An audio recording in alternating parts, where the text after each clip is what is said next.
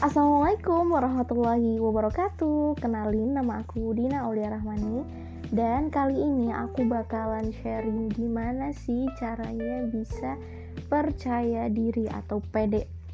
Nah podcast ini dibuat untuk diri saya diri saya sendiri karena emang aku lagi ngerasa gak percaya diri Jadi ini sebagai reminder biar aku bisa terus percaya sama diri sendiri dan buat kalian-kalian juga yang dengerin podcast ini semoga bisa mengambil manfaat dan ibroh ya.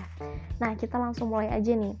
Nih, jadi menurut aku faktor salah satu faktor yang menghambat kesuksesan adalah ketidakpercaya dirian. Gimana sih kok bisa gitu kan? Sekarang gini, posisinya adalah kita tuh pengen orang-orang tuh percaya sama kita. Tapi kita tuh nggak percaya sama diri kita sendiri.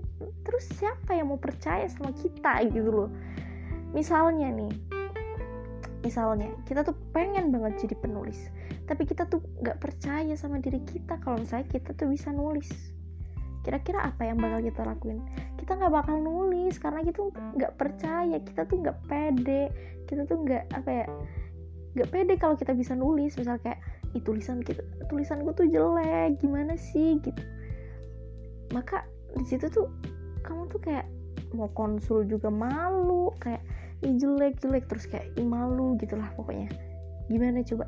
Kamu akan sulit untuk apa ya menuju ke jenjang kamu bakal jadi penulis gitu. Jadi sesuatu itu harus dimulai dengan kepercaya dirian yang pertama ya karena niat ya kita niat. Yang kedua ya percaya percaya kalau kita bisa. Kalau kita udah percaya nih kita tuh nggak bakal malu. Kita tuh bakal apa ya menghargai setiap proses. Ya gitulah. Gimana ya kita ternyata tuh di sini aku sadar ya masa remaja ini bener-bener dahsyat banget. Kepercayaan itu memang berpengaruh banget sama kehidupan kita. Allah tuh sesuai prasangka hambanya. Kalau misalnya kita berprasangka baik maka akan baik yang terjadi. Sedangkan kalau misalnya prasangkanya buruk ya keburukan yang akan terjadi. Ya nggak sih? Misal nih ya kayak tadi sih kayak misalnya kita berprasangka baik kalau misalnya itu ya kita bisa kita bakal sukses. Nah mindset kita nih akan membawa kita ke kebiasaan kita. Kalau misalnya kita udah mindset bener ya terus ya kita semangat nih akhirnya kita tuh bakal sukses kita harus menjemput segala segala macam gitu.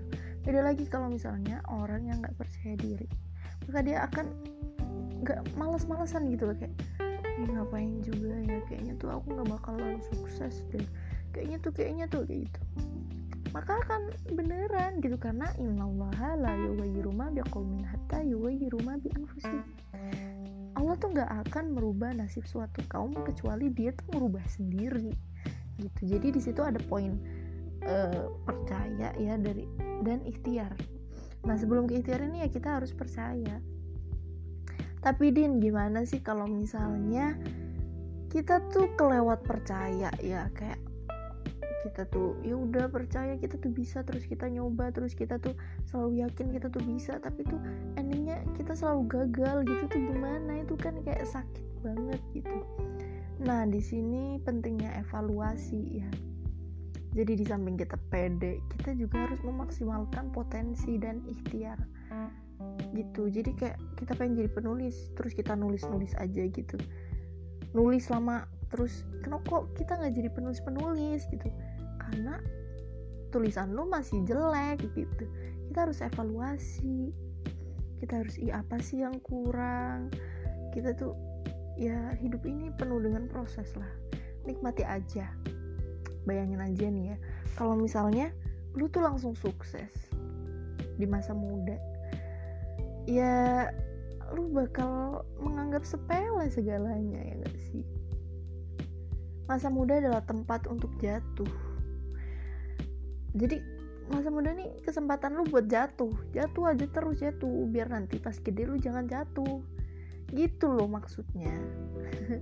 Ya jadi tahapannya itu yang pertama. Pokoknya kuncinya kita yakin sama diri kita terus kita memaksimalkan potensi yang ketiga adalah uh, itu ya tawakal.